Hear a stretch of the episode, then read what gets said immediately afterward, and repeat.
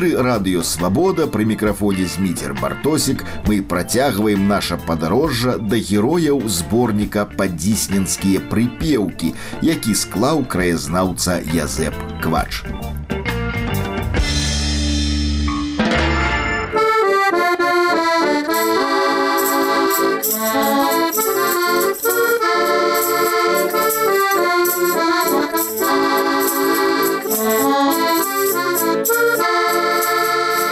вёскай старыя шарабаі, што пад глыбокім, вечарамі часам разносяцца гукі баяна. Гэта ўзяў у рукі стары інструмент пенсіянер Даніил Ермакович.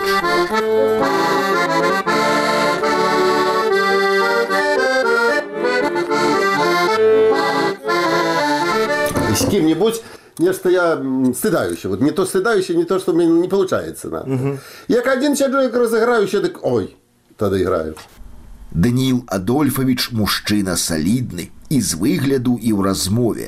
Працаваў механізатарам, быў фермерам, мае свой мікрааўтобус. Ягонае пашпартнае імя Даніил не зусім гарманіруе з імем па бацьку, бо на самой справе ён Даніэль. Даніілам яго запісала савецкая ўлада, якую ў заходняй Беларусі увасаблялі шматлікія чыноўнікі, што нахлынулі з усходу.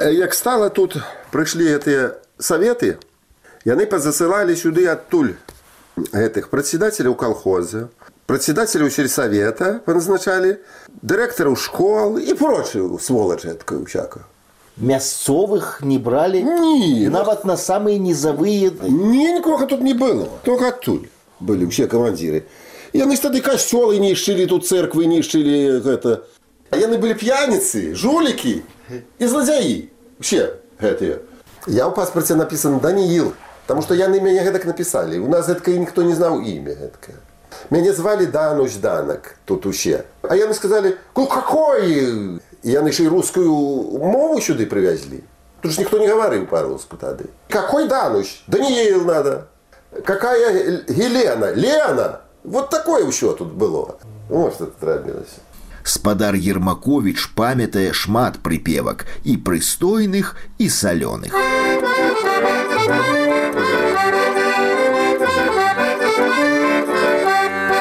Лягу, лягу под машину, там тяжелое колесо. Лягу, лягу под шофера, там тепло и хорошо.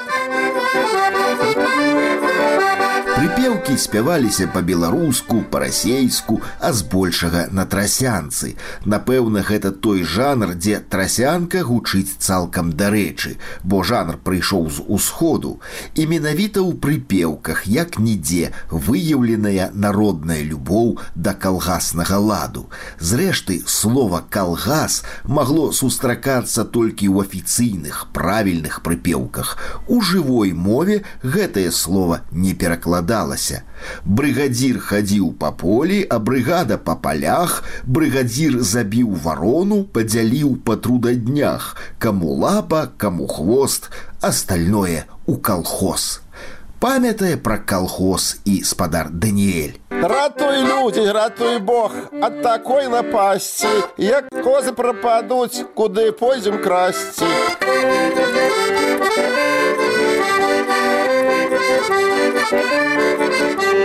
Мужик дома не ночуе, под раніцу з'яўляецца. Лукашенко позвоню, нехай разбирается.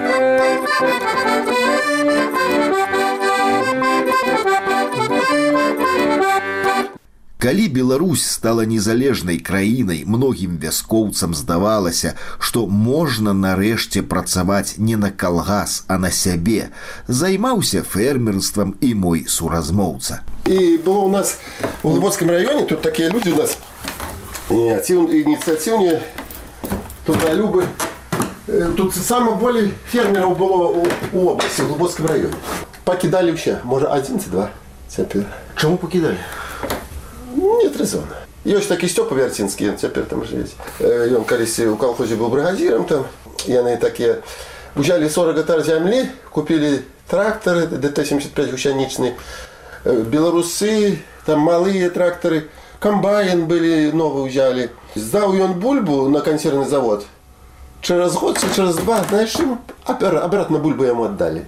Ну, як это жить? Як, як работать? Многіх фермераў, якія прадавалі сваю прадукцыю ў рассею, тады падкасіў расійскі дэфолт. Але большасць не вытрымала нячыстай канкурэнцыі з былымі калгасамі.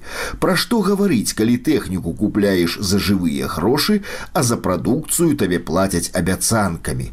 Беларусь тады упусціла шанец. Пачатак 90-х гэта быў унікальны час. Калі на вёсцы яшчэ жылі людзі, якія мелі жаданне і ўменне рабіць на зямлі. Іхныя надзеі былі разбураныя новым калхозам. Сталася так, як вось у гэтай прыпеўцы. У калхозе добра жыць, адзін робіць, сем ляжыць, а як сонца прыпячэць, дык і гэты уцячэць. І уцяклі. Мы паехалі з Даніэлем да яшчэ аднаго музыкі, да Алега Радзевіча ў вёску квачы.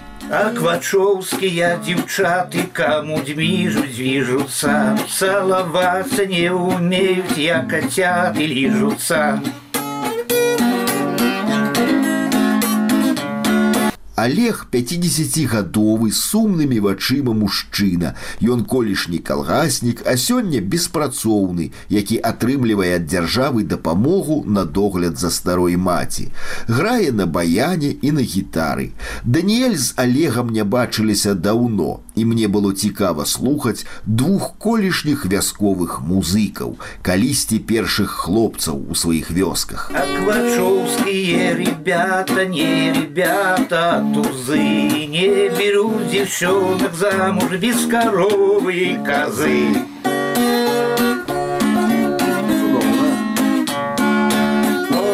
Теща моя, как ты провалилась И за мной твоя дочка слабо шевелилась А Вагеру ты знаешь, Миша? Ой-ой, сколько мы с ним переиграли с Мишей. Ой, как наиграл. Я живу под Гаях, и он живу под Гаях, я ушел в Витер. О, да, да, да, колхозе да. живи. На работу ходили Вот раз. играл. Ой, что ты. И он что хочешь выиграть? А Боговича ты знал Шунівцу? Играл на баяне тоже. А як тяженько любиться через поле живучий, а як час тяжко расставаться з вечеринок ідучи. А люди зайздросцілі музыкам, што яны такія багатыя ці не? Дык ніхто там крепко может не знал, дык бывало ж. А летом я бывал и голый играл, рубашку выключишь на себе. С Мишем Вагером, кстати, его у Гиголах. Вот играли у гараже, у неким пыль. Я снял рубашку, опять на плечи мне баян. Ці хто выкрутить, опять слоп табе, и поперли, и пошли. Идем корову вядуть, а мы с танцев еще идем. Миша, давай-ка у сток сена.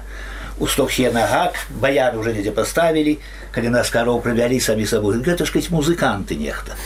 Нас тады у хату уже завели коров, раніцей вели, ну это летом дело. До утра. Мама чаю, мама чаю, мама с голубого чайника. Полюбила тракториста, думала начальника. Тракториста полюбить надо приготовиться Ящик мыла закупить, а после знакомиться А мне э, обычно, я помню, запомнилось, что сядзіла жанчына ці дзяўчына і платок вялікі выцірала пот. Вот, вот, вот, постоянно. Не было это, я никуда как сядел, я не могу сидячи играть. Это надо А, ходить, то ходить, и танцуешь еще, и туды, и сюды, и там, п- там, там, все это вот. А веселье цягнуліся два дні. А, і три былі. И три были. Я же кажу, у молодого и у молододики три дня. Свадьба. Понаходить, вот примерно свадьбу у моей в той- в тым доме, вот. А тут двери открыты, и кто-то за як згал, человек с 15 жанчын прыйдуць і ўсе ж глядзяць на маладых як там што як гаворка тады ж туды не йдуць за сталы бо сталы стаяць Як ідзець вяселля. як ідзець вяселля стаяць усе вы выглядаюць то пад вокнамі глядзяць то так то А на вечеринах же, ж, ну, молодежи ж сядзець лаўкі стаялі, такія там уже ж накуце. А тут же ж э, далей уже ж адны ж бабы вясковыя. Мужики так то, то, топталіся там на ногах. А жанчыны ж, которые и немощные даже, и хотелось ж ей послухать эту музыку, поглядеть вечерины. Ну, танцы. а з других дзеравень ішлі примерно маладыя выпіць каб на свадьбу вот тады постоянно вынесут, дадут. Да. Я помню, когда же был случай тады, бетон был а до бетона причеплена на ланцугу кружка. Самой не бяры, а иди зачарепни, пи сколько хочешь нахер. А рядом стоял бетон у дверях, як заходить у вяселле. Так усім же нам это было, мы ж про это пройшли. Так я же кажу, что. Я молодый был тоже, где якое вот э, это веселье, на улице стол, а не так у хате, у соседней, там закуска, водка, сколько хочешь пить. Это уже садят не, не гостей, а при, прихожан. Вот як я пришел примерно в Ольховике, меня уже угостят, дадут. Угу. Да. Это... И дадут, посадят за стол, и тогда танцы, что же помогают, и танцы там. Смеяться, смеялись подзаугольные сваты. Да. Звали, ну, звались подзаугольные сваты. Подзаугольные сваты, да. Эх, девчатки мои сыроежечки, Полюбил бы я вас, не модежечки. Милый, не целуюсь, говорит потом, потом. Прихожу, он на печи тренируется с котом. Неяк у падземным пераходзе назіраў такую сцэну, іграў скрыпач віртуоз. У скрыпічным футарале сіратліва ляжала некалькі манетаў. Каля музыкі спыніўся бацька з сынам гадоў шасці. Каб так граць, спытаўся хлопчык, ці доўга трэба вучыцца. Яшчэ як доўга адказаў бацька, кансерваторыю трэба скончыць. Ясна, зрабіў выснову хлапчук, пойдзеш у кансерваторыю, станеш бамжом. А калі нараджалася моя жонка, гэта 1970 год, яе бацьку суседзі вяскоўцы падганялі такімі словамі: Бяжы хутчэй у раддом, можа, музыка нарадзіўся. Вось такая метамарфоза адбылася за гэтыя гады з постаццю музыкі. Музыка ў вёсцы быў чалавек не толькі неабходны, не толькі паважаны, але і багаты. На вяселлях проці даўнейшая это похороны. Я помню, я сели за одного купил костюм и туфли хорошие на той час. Гармонисту можно было с этих весельев просто жить? Я, я играл в субботу, неделю, потом на работу. Так свадьба была, марш был на то время 300 рублей на, на советские гроши. Это, это, было это крепко много. Выше крыши. Выше крыши. 300 рублей вот за, за два дни. Если боли, бывало, договаривайся с молодыми. Если боли, забирайся боли, а 300 рублей мне, а забирайте остальное себе. И были тогда законы, вызывают исполком меня. Mm. Надо же было патенты начались mm. платить это. Колым. Ну, я кажу, а вы меня учили, сама уж Кажу, вы меня учили, вы мне баян купили. Платить, брат, плати я хочу. Ну, а тогда другой раз уже приезжаю на свадьбу, молодым говорю, будь спрашивать у себя, у советах расписывались, mm. у всякого исполкома ходит. Будь спрашивать, откуда музыкант, кажите с постау. И имя, фамилия, сочини любую, кажи любую. А тут как было пару музыкантов, Миша Вагерову, угу. помер, к сожалению, Юргель, много кто. Юргель играл добро сначала, а тогда ну, спил еще. Ну. Так вы зарабляли добрые гроши тогда? Конечно. И свадьбы были почти каждые выходные. Машину купил тогда, тоже баян куплял новый, ну вот туды-сюды такие. Магнитола, тогда на той 300 рублей магнитола родно стоила. А, то есть вы были еще при машине? Да, я уже ездил на машине на свадьбы, я был холостяком, и мне уже машина была, я ездил на машинах по свадьбах. Музыка гэта была такая асобная каста люди не бедные паважаныя конечно калі это пачало вот згасаць это ўсё паціхоньку если сказаць яшчэ гадоў з васьмярнёў назад я іграў свадьбы ішу ў порпішчах іграў свадьбу майго друга мы разам учыліся і сыну і дождца тады это раз тады праз пару месяцаў еще раз яны ўжо тоже молодежь уже не, не хотела под это дело попиять только калі яшчэ попиять яшчэ да гармонисту надо дать надо похмялиться весялей будете играть и не будет ляніцца Шматлікія моладзевыя калектывы на спеўных сходах адраджаюць абрадавыя песні. Наўрад ці яны будуць адраджаць тыя прыпеўкі савецкага часу. Прыпеўкі застануцца помнікам калхознаму жыццю, з ягонай трасянкай, з ягонымі нізкімі жартамі і з праўдзівым стаўленнем людзей да савецкіх прапагандысцкіх штампаў. Таму праца Язэпа квача неацэнная скончу я наше падарожжа вось таким шэдэўрам. З неба зорачка упала, просто міламу в штаны. Хай бы ўсё там разарвала, толькі б не было войны.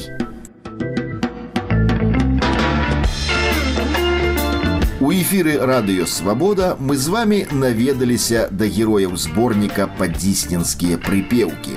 З вами быў зміцер бартосік да новай сустрэчы праз тыдзень.